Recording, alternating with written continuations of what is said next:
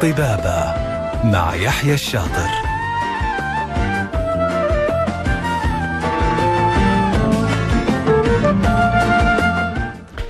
بسم الله الرحمن الرحيم. السلام عليكم ورحمة الله وبركاته. يسعد لي مساكم مستمعينا وحبايبنا في كل مكان على إذاعتكم إذاعة ألف ألف إف إم الموجة السعودية. ويسعدني كمان أكون معاكم أنا يحيى الشاطر لمدة ساعة كاملة من الساعة الثلاثة ونص وحتى الرابعة والنصف.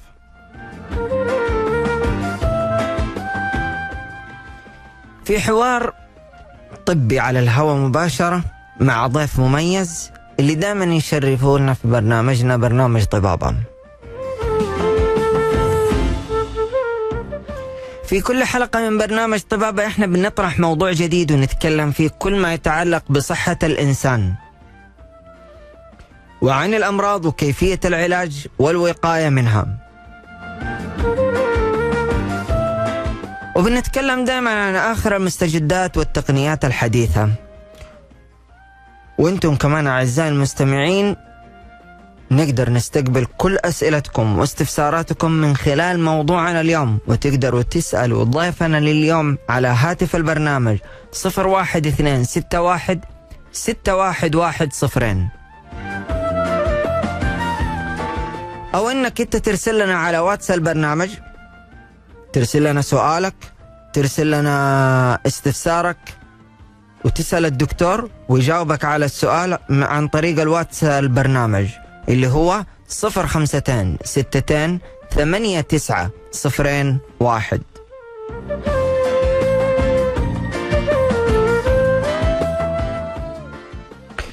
وتقدروا أنتم كمان آه تسمعونا وتكون أصلا حلقة متاحة في اليوتيوب من حسابنا ألف ألف إف إم.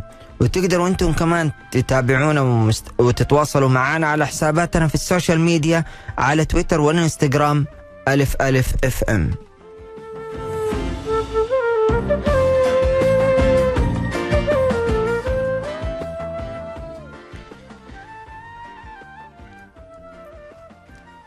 القلب.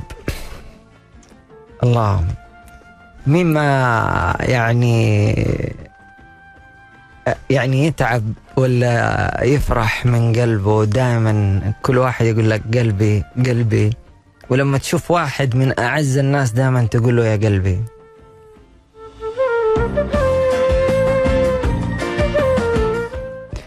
القلب هو عضو من أعضاء الجسد ودائما يتأثر بالحزن أو الفرح أو التعلق بالأشخاص.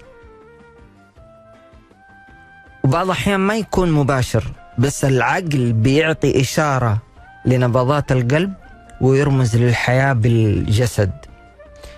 ونربطه دائما بالأحاسيس والحقيقة أن الأحاسيس جميعها في العقل والقلب.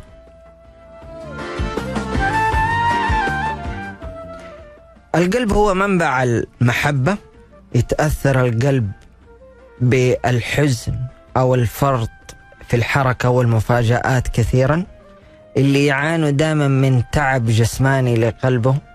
والقلب دائما هو دليل الإنسان. فاستشر قلبك لأنه بداخله خلاصة الطيبة ومنبع الحنان.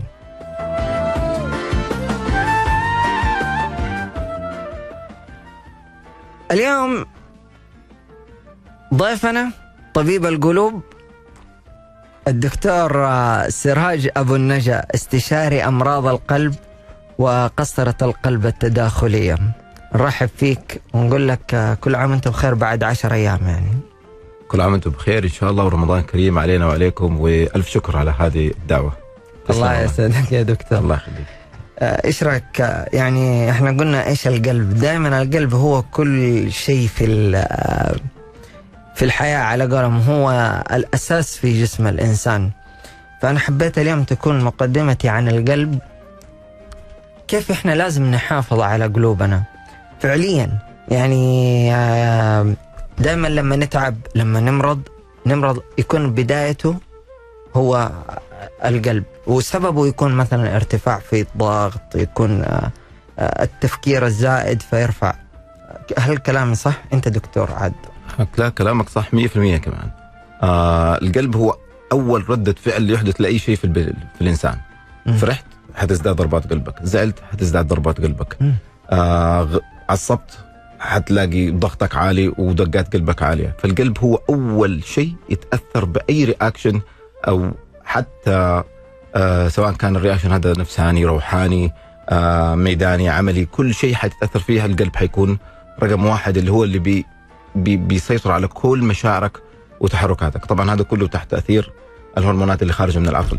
بس في النهاية القلب هو أول شيء يتأثر. عشان كده أول ما الإنسان يحدث له أي صدمة يفرح أي شيء تلاقي دبدب دبدب صح. دبدب على طول صحيح. شغال.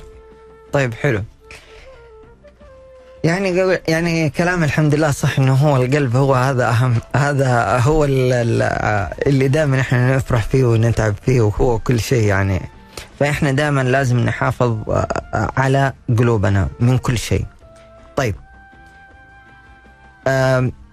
إحنا نبغى نتعمق آه، أشياء آه، طبية يعني تكون أكثر آه، وخاصة تكون في رمضان. ماشي. دائما نسمع عن أمراض القلب والله يشفيهم يا رب. خاصة اللي عنده مثلا القلب المفتوح أو اللي عنده مثلا الضغط. آه، قبل ما نبدأ إحنا لازم أول شيء نبغى نعرف للناس والمستمعين الضغط هل له دخل في موضوع القلب أو لا؟ وبعدين نبغى نعرف يعني هل هو اللي يسبب آه، مرض القلب الضغط أو لا؟ طيب. آه أمر- ارتفاع ضغط الدم هذا واحد من أهم أسباب أمراض القلب. آه آه لأنه الضغط آه ال- يعني اللي احب دائما اوصله للمرضى إنه أو الإنسان بشكل عام إنه الضغط هذا هو اللي بيدخل لك الدم لكل أجزاء الجسم. فالضغط هو المسؤول عن تروية الدماغ تروية القلب تروية الكلى تروية الرئتين تروية كل عضو في الجسم. لازم يكون الإنسان تحت ضغط معين يوصل الدم بشكل معين لكل عضو في الجسم. زاد صار في مشكلة نقص صار في مشكلة. مم. الضغط سبب رئيسي ومباشر لأمراض القلب. أمراض القلب في عدة نواحيها سواء تصلب شرايين. سواء مشاكل في العضلة نفسها أو الغشاء اللي حوالين العضلة أو حتى آه الصمامات. الضغط جدا مهم عشان كده آه لازم يتعمل له كنترول ويكون وذن أو في حدود معينة لا يكون زايد ولا يكون ناقص الضغط رقم آه يعتبر السبب الثاني والثالث لأمراض القلب وبالذات الشرايين حقت طب وش السبب الأول ولا والثاني؟ الأول الكوليسترول والله. لسه كنت بسأل. هل هو يجي الكوليسترول قبل ال ال ال الضغط. الضغط أو لا؟ دائما بتسأل نفس السؤال هل الكوليسترول يسوي الضغط أو الضغط يسوي الكوليسترول الاثنين مرضين مختلفين. آه كلهم موجودين بشكل طبيعي في الجسم. الكوليسترول لازم يكون كلنا عندنا كوليسترول. آه فإحنا بنتكلم على ارتفاع الكوليسترول الضار. هذا مرض وهذا مرض والضغط مرض. الاثنين ما يأدوا إلى بعض بس الاثنين مع بعض مشكلة. وأنا بصراحة أنا بقول لك إنه يعني لو جينا إحنا نبغى نفتح عن موضوع الكوليسترول. جينا نبغى نفتح عن موضوع الضغط والله من دحين إلى بكرة ما حنقدر أيوة، نخلص ما حنخلص موضوع لأنه كثير. فعليا يعني يعني كلها تندرج وفي كلمة دائما أنت أنا قبل كذا جيتك وراجعتك عندك في العيادة كنت تعبان فقلت لي روح سوي رياضة الحل الاثنين فالضغط والكوليسترول روح سوي رياضة. انت بتنزل من من التوتر وال والقلق. والقلق والانفعالات اللي عندك كلها تنزل حرتك فيها. صحيح. وفي نفس الوقت آه، الكوليسترول. انت قاعد تحرق ال- ال- الدهون قاعد تحرق الدهون الضارة وتحرق وت- وتكون دهون حميدة. وتنزل الضغط لو كان في ضغط لا سمح الله. جاله الإنسان نعوذ بالله جاله مرض ال- القلب. كيف يصوم؟ طيب دائما أقول للمريض أو الإنسان اللي عنده مشاكل في القلب إنه هدفنا إنه إحنا نوصل لحياة طبيعية. والحياة الطبيعية من ضمنها الصوم. يعني الإنسان لازم يصوم. مم. فأول حاجة أقول للمريض إنه أنت تتكلم مع الدكتور حقك. أهم شيء لا تسمع لأحد من برا سواء أقاربك أصحابك. أو لا تسمع لجروبات الواتساب هذول أكثر الناس مخربين أيوه هذول أكثر ناس حيخربوا عليك روح لدكتورك اللي أنت تثق فيه وابدأ مع البرنامج بالنسبة لأمراض القلب أو يعني آه، مرضى القلب في عدة يعني تصنيفات خلينا نقولها أو يعني عدة آه، مشاكل قد تحدث. واحد اللي عندهم أمراض الشرايين البحتة بس شرايين القلب. يعني سواء حطوا دعامات بالونات أو سووا عمليات قلب مفتوح. هذول بشكل عام بشكل عام ممكن يصوموا من غير أي مشاكل. ويرتبوا الأدوية في وقت الإفطار. آه المشكلة الرئيسية تيجي أو الأصعب تيجي لمرضى اللي عندهم قصور في عضلة القلب، اللي يكون. عندهم ضعف في عضلة القلب. هذا لازم يكون بيتخذ برنامج معين مع طبيبه واثنين يتأكد إنه ما في لا سمح الله آه مويات زايدة في جسمه، مو قادر يتنفس، آه صعوبة في الحركة عشان يقدر يصوم. آه الشيء الثالث إنه يرتب الأدوية مع الدكتور بالمواعيد. لأنه حتى أنا يعني في مرضى بيجوني أقول لهم الساعة الفلانية تاخذ كذا بعد المغرب حتاخذ الدواء الفلاني بعد العشاء حتاخذ الدواء الفلاني قبل السحور حتاخذ الدواء وقبل ما تمسك تاخذ الدواء الفلاني. عشان تقدر تصوم الساعات اللي اللي مفروض علينا. آه تحاول تتجنب إنك أنت الانفعالات تحاول تتجنب الملح الزايد. هذا أهم شيء. إحنا عارفين يعني صفرنا ما شاء الله في رمضان كلها ملح. أوه. آه فالملح عدونا سواء عدو الضغط وعدو مرضى قصور عضله القلب. أقول لهم هذول الأشياء لازم تتجنبوها لأنه حتزود ملح حيزيد الضغط حيزيد مشاكل كمان ال- ال- السوائل اللي تتراكم في الجسم فما حيقدر يكمل صيام. طيب هو يأثر على عضلة القلب الصيام؟ ابدا. طيب. الصيام ما يؤثر على عضلة القلب ابدا. إلا إذا كان في صيام طويل جدا بحيث إنه أدى إلى جفاف. ديك الساعة لا. هذه في المناطق الخارجية. أيوه هذه لكن يعني عندنا اللي بس- بيصوموا بشكل- 20 اللي بيصوم ساعه 20 ساعة. لكن عندنا والحمد لله إحنا يعني أغلبنا يعني إندور كلنا داخل. أماكن فإن شاء الله ما في مشاكل من ناحية الصيام. طيب بس آه، دكتور يعني أكيد إن للصيام في آه، لها فوائد آه، للقلب. يعني هذا شيء معروف. وبعض الأحيان يعني يقول لك صوم علشان إحنا نبغى مثلا كذا يعني. على أساس لعلاج فهل يغني الصيام عن أدوية القلب بعض الاحيان أو لا؟ آه الجواب بشكل عام لا. لأنه أدوية القلب ال- بالذات للي عندهم قصور في عضلة القلب لازم يأخذوا الأدوية بشكل مستمر. آه سواء صام أو ما صام. الصام هو فترة راحة شوية إنه الجسم يرتاح. آه، يرتاح من كثرة الأكل وكثرة السوائل فبالتالي الصيام في حد ذاته كفكرة جدا مهمة ومفيده بس ما يقدر يمنع عن أدوية القلب لأن أدوية القلب هذه أهميتها في استمراريتها فما ينفع تتقطع. ما ينفع أخذها يوم وشهر لا. أخذها طول السنة واجي عند رمضان أوقفها. لأنه تفقد تفقد بعض الأدوية بالذات لما تكون على المدى الطويل. الأدوية اللي إحنا بنستخدمها دائما على المدى الطويل نأخذها.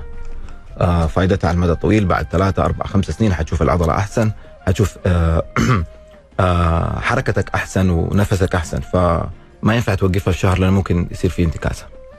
طيب وال آه، يعني هو خلاص إنه إذا مشيها مثلا قبل ال- السحور. ونفس ما يكتب له إياها الدكتور ما حيأثر معاه أي شيء شاء الله ما يأثر بإذن الله طيب هل لها فوائد برضه؟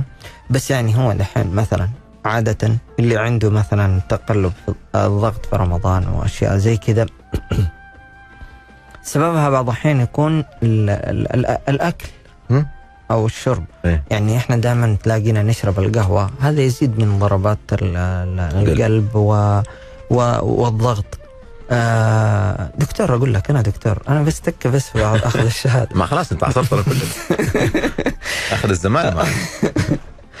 ف فال يعني آه، فالصيام أتوقع إنه بيهدي لأنه ما في جس... ما في أكل بيدخل داخل الجسم. فعشان كذا أنا سألتك إنه هل له فائدة؟ طبعا. آه أنا عندي في كثير من الناس اللي عندهم ضغط. يجي شهر رمضان يا ننزل الجرعة حقة الدواء يا نوقف. أوه. لأنه ما بيأكل كثير.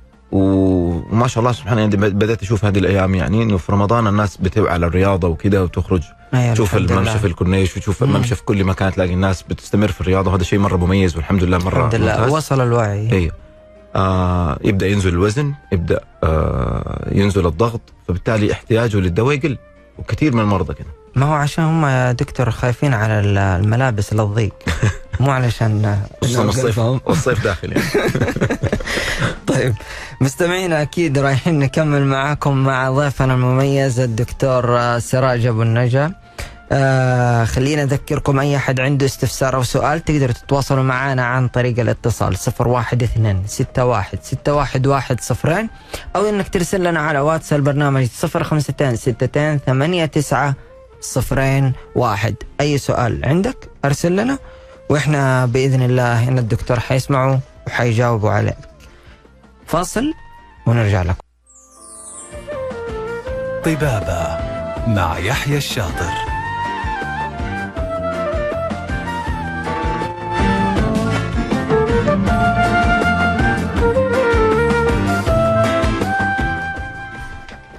يا هلا وسهلا بمستمعينا من جديد ومكملين معاكم في موضوعنا عن القلب والضغط مع الدكتور سراج أبو النجم استشاري أمراض القلب وقسطرة القلب التداخلية. خلينا أذكركم أي أحد عنده سؤال أو استفسار أو شاك في حاجة على طول يقدر يتواصل معنا ويتصل علينا على الرقم 01261 611 صفرين أو أنك ترسل لنا على واتس البرنامج 052 62 ثمانية تسعة صفرين واحد.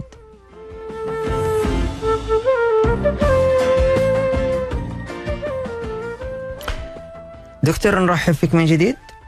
ونقول لك يا هلا وسهلا. أهلين وسهلين. أهلا ومرحبا بالمستمعين كلهم. طيب آه دكتور يعني آه عادة إحنا دائما بنشتكي من آه تقلب الضغط في رمضان. فإيش أسبابه؟ طيب هناك في أسباب كثير مرة لتقلب الضغط في رمضان. واحد آه المريض ما بيعرف متى بالضبط ياخذ الدواء. أخذه بعد الفطور بعد الغداء بس بعد بعد التراويح في آخر الليل قبل ما أمسك. هذه واحدة من الأسباب. السبب الثاني آه نوعية الأكل اللي إحنا بناكله في رمضان. آه السبب الثالث آه ال stress اللي بينتج عنه من الصيام. آه بعض المرضى بيكونوا مثلا مدخنين أو بيشربوا قهوة كثير أو آه stress ضغط ضغط الشغل ضغط العمل ضغط الطلبات اللي في البيت الوضع كله ممكن يزود في الضغط أو ينقص الضغط. لو جينا مسكنا واحد واحد من هذه الأسباب. واحد الأهم شيء اللي هو متى المريض ياخذ الدواء. آه طبعا هذه قتلت بحث بحثا في في ال- في ال- في المجال هذا. متى. أفضل وقت المريض ياخذ دواء الضغط؟ بشكل عام مو بس في رمضان. قبل كده كنا نفكر إنه آخر الليل أحسن بعدين طلعت دراسة حديثة لا قالت لا أهم شيء خذه في وقت معين. في مم. اليوم واستمر على هذا. وأهم شيء إنك أنت تأخذ الدواء بشكل آه يعني خلاص أخذت اي أخذته مثلا الظهر. حاول تأخذه كل يوم في الظهر. أخذته في الليل حاولوا تأخذه كل يوم في. الليل. أهم شيء هو ده إنك أنت تستمر على العلاج.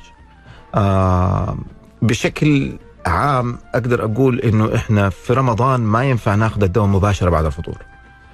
اولا لاكثر من سبب السبب الأول إنه بعد الفطور الإنسان يكون صايم 12 ساعة 14 ساعة وفجأة يأكل. الدم كله يتوجه ناحية الأمعاء والمعدة. المريض يبدأ يحس بدوخة وتعب وإرهاق. ياخذ الدواء الضغط من هنا الضغط ينزل نزلة جامدة من هنا. فبالتالي يبدأ يعاني من دوخة تعرق يبدأ يقول أوف أنا ما ينفع أخذ الدواء دحين. فأنا بقول للمرضى بشكل عام إنه حاول تخليه بعد العشاء بعد التراويح كوقت مناسب أو آخر الليل. بحيث إنه أنت لما تقعد طول النهار الدواء حيكون ما زال موجود في الجسم. الشيء الثاني نوعية الأكل اللي إحنا بناكله آه قد يسبب الأكل الزايد مثلا ملح وسكر وكارب و و- دكتور حرام عليك. يعني إحنا دائما سفرنا صحية ما شاء الله. شوف على طول تلاقي ال- التمر والقشطة والطحينة وبعدين تخلص منها تبدأ بالشرب اللحم. بعدين تبدأ بالفول واذا في كمان السمبوسة بالزيت اللي كذا أي. غير اللقيمات وبعدها الحلا كله ورا بعض. هذه كلها لازم حرام عليك يا. دكتور يعني ما شاء الله. هذا المفروض هذه كلها حترفع الضغط وحتزود السمنة. آه نوعية الأكل مرة مهم في رمضان. أنا أتفق معاك إنه اكل رمضان حلو ورهيب والإنسان بس إيه، يا دكتور، نقعد نستناه من. السنة للسنة. بس على الأقل يعني مرضى الضغط شوية قل الملح بس بس قل أعطينا الملح شهر بس إجازة. نفسي والله أديك نفسي أديهم شهر بس عاد إيش الموضوع مو بيدي. بس ب- أنا دائما أقول للمرضى بشكل عام لا نعمل فيها مرة ضيقين. ولا نتوسع بالآخر. يعني حاول تمسك العصايه من النص. خير الأمور أي، وسطها أمسك العصايه من النص. تبغى فول كل أبوي فول. حاول تقلل الملح فيه. تبغى تاكل سمبوسه كل بالعافية. آه في بدائل يعني مو مرة بنفس الجودة. يعني مثلا السمبوسك بدل ما تخليها مثلا بالقلاية الهويه والأشياء. الفرن. يعني خذ البدائل هذه إلا على الأقل ما تحرم نفسك منها. ما يمنع إنه من فترة وفترة أنا أقول للمرضى بشكل عام من فترة وفترة يعني روح خبص. آه، عشان لا تقعد في نفسك آه، الموضوع ده بالذات اللي عندهم كوليسترول واللي عندهم سكر واللي عندهم ضغط. خبص ما في مشكلة بس لا تخلي التخبيص هذا روتين. مم. خلي التخبيص هذا شيء ثاني. يعني زي ما تقول حالة استثنائية. من الأسباب الثالثة في عدم انتظام ضربات آه، آه، sorry الضغط في في في رمضان آه اللخبطة اللي تصير في أول كم يوم بالذات. آه صح. قلة النوم. وكلنا بنتعب. أتوقع حتى الناس اللي حتى ما فيها ما عندها ضغط ما عندها ضغط وما عندها أي مرض برضه بيتعب. صحيح 100% أول كم يوم في رمضان أغلب المرضى يجوني أنا ضغطي مرتفع أنا ضغطي واطي أنا ضغطي مرتفع أنا ضغطي واطي. تلاقي كله هو لخبطة الش... اليوم كله. فعليا أحس ال- ال- كذا دق في راسي. إيه لخبطة اليوم كله. ما نام كويس آه ما أكل كويس ما شرب كويس فجأة يلاقي ضغط واطي. أكل شيء مالح كثير في السحور وبعدين ما نام كويس ستريس حق العمل حق أول يومين ده اللي هو. صعوبة الشغل إنك أنت تنام مع الفجر تغيير في نمط الحياة. تغيير في نمط الحياة على طول حيؤدي إلى لخبطة في في في في الضغط. بقول المريض معلش اصبر حاول قد ما تقدر تمسك العصاية من النص أول يومين. حتصير يمكن تصير في مشاكل بس حتتجنبها مع الوقت. آه من الأسباب اللي ممكن يخلي المريض ما هو آه ما هو عارف إيش إيش آه آه ليش الضغط بينزل أو بيطلع. آه وهي هذه أهم شيء بالذات في رمضان آه انقطاع النفس أثناء النوم. آه الناس بتاكل تتسحر وفجأة تنام وإذا كان عنده آه، شبه من العوامل المساعدة في ارتفاع الضغط هو انقطاع انقطاع النفس أثناء النوم. وهذا مرض بحد ذاته أصلا يسوي ضغط وبلاقيه كثير بيزيد في رمضان لأنه النوم أصلا ما هو صحي. ويكون عنده مشاكل في النوم يقل الأكسجين في النوم فكأنه القلب جوا في اليوم أو هو نايم بدل ما يرتاح بيكون في سبق. في سبق في سبق في سبق تلاقي في طول النهار ضغطه جدا عالي. فهذه كلها من الأسباب اللي تؤدي إلى عدم انتظام ضربات القلب. لو أنا أقدر ألخصها في شيء واحد حقول النمط الحياة حق رمضان شوية صعب في أول كم يوم عبال ما الجسم يتأقلم. طب واللي بيعاني دائما انخفاض الضغط آه، بعد الإفطار هذا بسبب سبب الأكل. غالبا هي بسبب الأكل بالذات الأكل الدسم. آه في ناس معينة وهذا جزء قليل قليل قليل يعني يكون عندهم شيء اسمه dumping syndrome اللي هو فجأة ينزل ال- ال- السكر والضغط بعد الأكل مباشرة وهذول نوعية معينة من مرضى السكر ومرضى الضغط جدا جدا قليل ما هم كثير. لكن الأغلب هو خليها بالعربي بالبلدي كده تخمه تاكل أكل مزبوط فجأة- والله شوف يا دكتور أنا بقول لك على شيء. طيب أوكي أنا بعض الاحيان ما ما أكل بس إنه برضه بلاقي ارتفاع في الضغط. السبب آه، وخاصة إذا شربت القهوة. القهوة ترفع ضربات القلب فبالتالي ضربات القلب من العوامل اللي طب ممكن- متى أشربها؟ آه، هو هذا السؤال. إيه. متى أشربها؟ آه شوف خليني أقول لك معلومة إنه أغلب الناس بتحسب إنه القهوة تسوي ضغط. لا. آه أغلب آه الناس اللي عندهم ضغط بيشربوا قهوة بشكل طبيعي. آه المهم كيف تعرف متى تشرب القهوة وكيف؟ تشرب القهوة لما تكون ماكل كويس وشارب كويس وجسمك ما وماخذ الدواء حق الضغط بشكل ما عندي. ضغط. أوكي. إيه طيب إذا ما عندك ضغط اشرب قهوة على راحتك. الخفقان مو معناته عندك ضغط. آه. أيوه. لما يكون دقات القلب سريعة مو معناته عندك ضغط. هذا تأثير مباشر من الكافيين وحيكون مدته بسيطة. أيوه. وأغلب الناس أغلب الناس اللي عندهم مشاكل مع القهوة بتسوي خفقان واحد من الاثنين. يا يكون عنده أصلا توتر يا لياقته مرة ضعيفة. يعني ما هو شخص ما ما ما, بي ما بيمارس رياضة. فعشان تتوافر لازم على الأقل هذا يكون شوية رايق أيوه. يعني مثلا واحد يجي عنده أنا عندي project وعندي كذا وعندي كذا ولازم أسلم ولازم أعمل ولازم وعندي كذا موعد ومش عارف إيش. ويشرب لي قهوه يقول لي خفقان. طب ما الباقي كله هو اللي سوى لي خفقان مش القهوة نفسها. طيب آه سؤال جانا من آه أحد ال- ال- المشاركين المستمعين.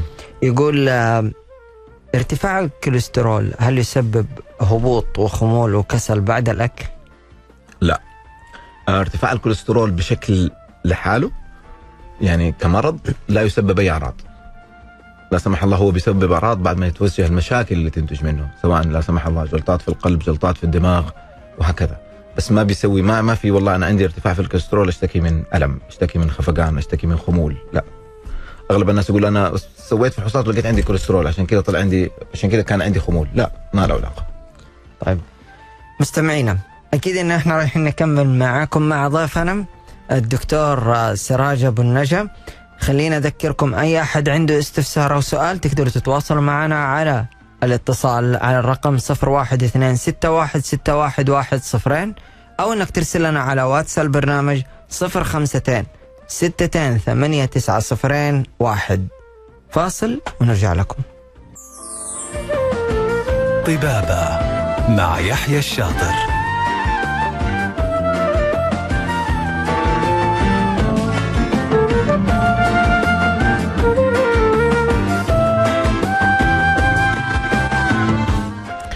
يا هلا وسهلا مستمعينا من جديد مكملين معاكم في موضوعنا عن أمراض القلب والضغط. بشكل عام وخاصة في رمضان. خلينا أذكركم أي أحد عنده استفسار يقدر يتواصل معنا عن طريق الاتصال 012 61 611 صفرين أو إنك ترسل لنا على واتس البرنامج 052 62 89 صفرين واحد. يعني اهلكوا الدكتور سراج أبو النجا أسئلة؟ إلين يكون يحس إنه هو يقول إيش اللي جابني. يعطيك العافية. طبعا ضيفنا نرحب فيك من جديد دكتور سراج أبو النجا استشاري أمراض القلب وقسطرة القلب التداخلية.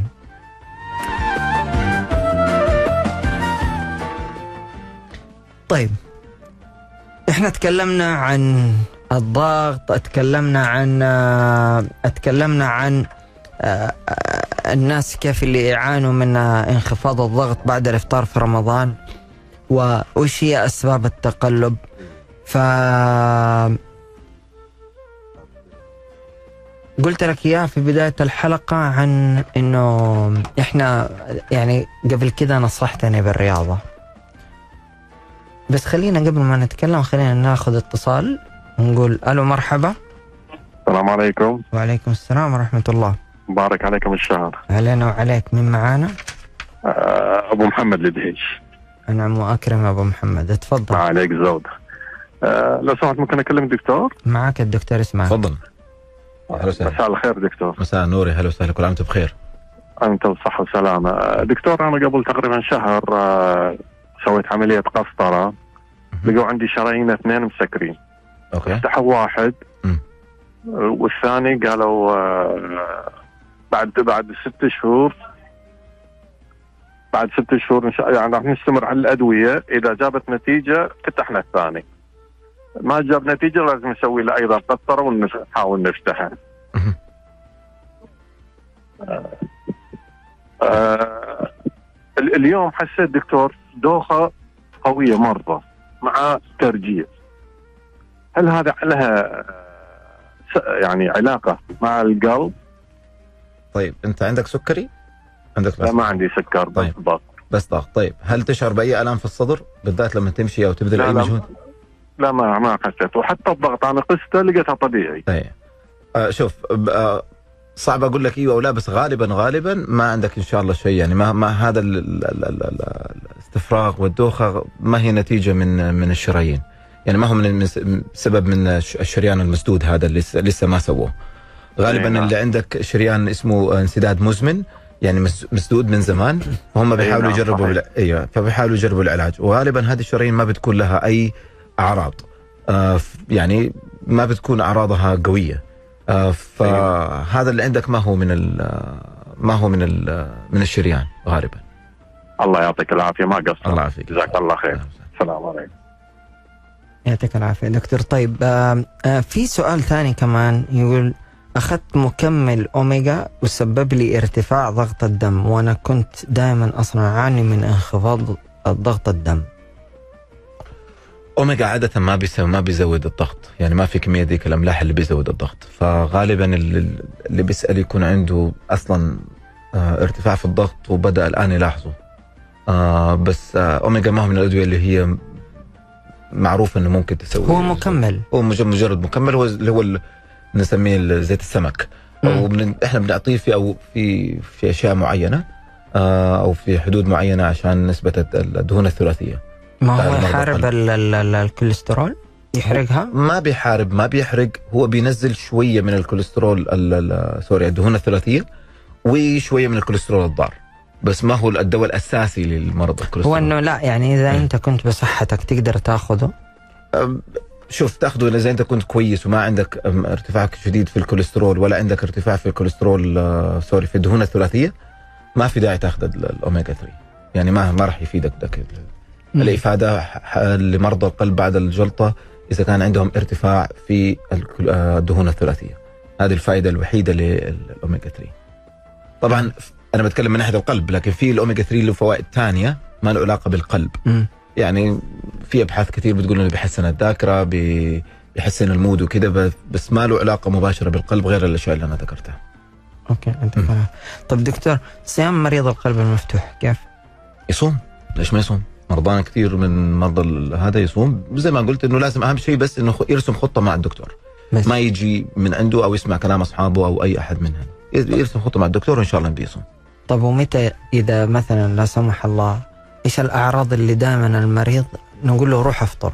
يعني مثلا زي هذا قاعد يقول إنه فجأة استفراغ أيوه، ما أنا عارف هذا. مريض يعني واحد عنده استفراغ وتعبان حنقول له لا إلا تكمل صيامك لا لا إنه. يعني لا. هي في مثلا إذا أنت حسيت بالأعراض أي. هذه خطر إنك أنت تكمل أنا طيب. قصدي إيش هي الأعراض إنك أنت خطر إنك أنت تكمل لأنك أنت قاعد تودي نفسك للموت بالضبط واحد و... والله قالها في القرآن إنه ولا تنقل اي واحد آه ارتفاع الضغط الدم أو الانخفاض الشديد يعني واحد ضغطه 200 على 100 ويقعد يقول لي أنا حستنى لين وقت الفطور لا أفطر لأنه هذا الضغط الآن قد يؤثر إلى كم؟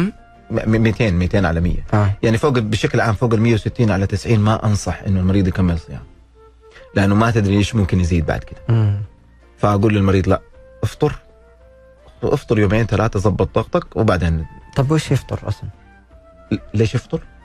عشان ياخذ الدواء الفطور؟ آه ياخذ عشان ياخذ الدواء. أيوه. عشان ياخذ الدواء يقدر ياخذ الدواء ويكمل فطوره عادي انخفاض الضغط لأن مريض واحد ضغطه طاح فالحل أصلا نديله سوائل ونديله آه، آه، ونديله يعني أدوية عشان نرفع نحاول نرفع فيها الضغط هذا بالنسبة للضغط لمرضى القلب دائما أقول لهم دائما دور على الأشياء التالية واحد إذا جاك ألم في صدرك.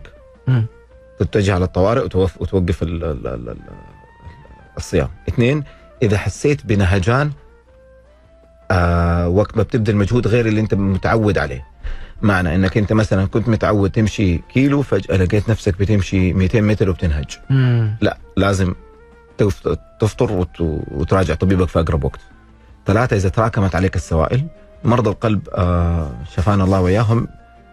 آه بالذات اللي عندهم قصور في القلب بيتراكم عندهم السوائل في الجسم واحيانا في الرئة واحيانا في الرجول أو كل الجسم بشكل عام.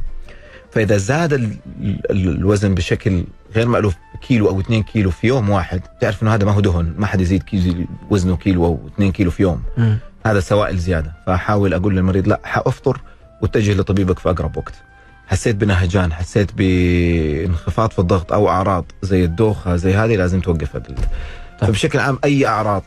غير خار- خارج عن المألوف أفطر واتجه للطبيب. طيب آه في سؤال عبد الرحمن من جيزان يقول آه عدم ارتباط أكل اللحوم والدهن الحيواني بارتفاع نسبة الدهن وبالتالي ارتفاع ضغط الدم. إيش رأيك دكتور في هذا الكلام؟ طيب هذا الكلام إحنا يعني دائما بنسال فيه. يعني هو آه، بصراحة ما باقي إلا خمس دقائق على طيب ما حطول فيه بشكل عام. آه في أنواع كثيرة من الكوليسترول. الكوليسترول بشكل عام كلمة يعني فيها ثلاثة أربع أنواع تحتها. في شيء اسمه الكوليسترول الضار في شيء اسمه الكوليسترول الحميد. الكوليسترول الضار هو رقم واحد والمسبب في تصلب الشرايين اسمه بالإنجليزي LDL Low Density Lipoprotein. هذا هو اللي بيترسب في الشرايين وبيسد الشرايين وبيسوي أزمات القلب. هذا 80% ما له علاقة بالأكل ولا بنوعية الأكل ولا بال ولا بالرياضة ولا بأي حاجة. معليش أنا آسف إني اقولها بس هذا له علاقة بالإنسان نفسه. بعض الناس يقدروا يص... بي بي مو بيقدروا يعني بيصنعوا هذا الكوليسترول الضار زيادة عن غيرهم. آه فبالتالي إنه ال... ال... ال... نربط الأكل بالكوليسترول بشكل مباشر. هذا شوية فيه يعني أكثر من إنه يعني علامة استفهام. ال ال الجواب اللي أنا أبغى أقوله للمريض إنه هو هو ده اللي بيقصده إنه أنا باكل وباكل وباكل وفي النهاية كوليسترولي كويس وفي ناس لا ما بتاكل ولا شيء كوليسترولهم عالي إيوه هذول اسمهم الكوليسترول الوراثي اللي هم LDL ورثوه من أبائهم هذا ما له علاقه. لكن يظل 10 إلى 20% من الكوليسترول الضار هذا أو 25% بحد أقصى له علاقة مباشرة بالأكل فأنت ما تبغى تخسر دي كمان مم. يعني الدهون الحيوانية والأكل الشحوم والمعجنات والأكل النشويات المعقدة هذه كلها في النهاية حتصير إلى كوليسترول. إذا ما تحولت لكوليسترول ضار حتحول لدهون ثلاثية. كلها في النهاية إذا زودت منها حتكون ضارة. لكن إذا عملت بشكل متوسط أو وسطي ما راح تضر بإذن الله. ودائما انصح أستشر طبيبك لا تستشر أحد. خذ الماء قيس الكوليسترول وروح لدكتورك وهو اللي حيعرف يديك ولا ما يديك دواء. صح وإيش نمط الحياة اللي حي أفضل لك من غيرك؟ يعني الناس بيقول لك أنا أقدر آكل لا هي كل إنسان على انت روح جوجل. أيوه. سيب دكتور جوجل لحاله سيب آه، كلمة آه، قالوا لي قالوا لي إيه. من اللي هو ما نعرف مين اللي قال ولا. جاني على الواتس. إيه، جاني على الواتس أو قالوا لي أو دكتور جوجل. ما هو كلام مزبوط الدهون والكوليسترول من الأشياء الضرورية في الجسم زيادتها. ما هي كويسة؟ وحتى ما المجرب يعني في ناس بيجوا يروح يتبع يقول لك والله هو هذا عنده نفس أعراضي. لا إيه. يا حبيبي. لا، ما كل جسم لها تشكيلة. أيوه أيوه بالتالي لما تشوف مثلا في العوائل. هذا بياخذ دواء السكر حق ده وده بياخذ الدواء الضغط حق ده يعني بيتشكل كده لا خذ جرب ده هذا ده هذا الدكتور اداني كويس خذ جرب ده والله شفتها دواء السكر، بعيش، الله تفضل. طيب دكتور الوقت هو بصراحة قاعد يسعفنا طيب. آخر دقيقة بس لو تقول لي إيش دائما إح نصيحتك في موضوع الرياضة وخاصة اللي اللي برضه لمريض القلب ولا الضغط مهم. وخاصة المشي كمان قبل الإفطار. طيب حقولها بشكل كده عام وبعدين حدرجها بسرعة بشكل خاص. بشكل عام هو عندك الر- دقيقة. طيب الرياضة مفيدة مفيدة مفيدة. سوي رياضة في أي وقت مم- ممتازة. لهم كلهم سواء المرضى القلب أو مهر أو, أو غير, القلب. بالنسبة للمشي قبل الإفطار المشي قبل الإفطار صحي ما في مشكلة. حتى لمريض القلب. اللهم بس ينتبه على العلامات اللي إحنا قلت له هي. إذا كان في آلام في الصدر نهجان أو تراكم في السوائل. أبعد عن الجفاف. الكلمة الأخيرة اللي بقولها لمرضى القلب إذا كنت تبغى تتمشى قبل المغرب حاول تخليه في آخر نص ساعة ل 45 دقيقة. عشان ما تكون الشمس حارة مم. وما يصيبك جفاف زيادة عن اللزوم خصوصا إنك أنت بتاخذ أدوية للضغط. وراقب ضغطك قبل وبعد التمرين. آه. أي. دكتور آه، بصراحة وصلنا إحنا لنهاية الحلقة. يعطيك ألف عافية على هذه المعلومات المميزة اللي طرحتها لنا. وفتنا بها بصراحة. شكرا للدكتور آه، سراج أبو النجا استشاري أمراض القلب وقسطرة القلب التداخلية. شكرا لك لحضورك هنا معنا في هذا البرنامج. حقيقة شكرا لكم وشكرا انكم اديتونا الفرصة إن اطلع و لا ولا والله يحفظك هذا. البرنامج المميز معك معاكم ومعاك أنت بالذات. الله يسعدك يا حبيبي يخليك ربي. طبعا طبعا بخير إن شاء الله. وأنت بخير وصحة وسلامة يا رب. شكرا آه لزملائي آه من إخراج البث آه خالد القايدي. شكرا أيضا لكم أنتم مستمعينا ولمشاركتكم في الحلقة وإن شاء الله أنكم أنتم استفدتوا واستمتعتوا معنا في هذه الحلقة من برنامجكم برنامج طبابة. خلينا أذكركم اللي ما قدر يسمع الحلقة من بدايتها آه يقدر يسمعها على قناتنا باليوتيوب ألف ألف أف أم في خلال 24 ساعة هتلاقوها نزلت على اليوتيوب. أنا نهاية كلامي أقول ودائما أردد الوقاية خير من العلاج. فهذا قلبك حافظ عليه لأنه هو منبع المحبة هو دليل الإنسان هو خلاصة الطيبة ومنبع الحنان. كنت أنا معاكم يحيى الشاطر في أمان الله.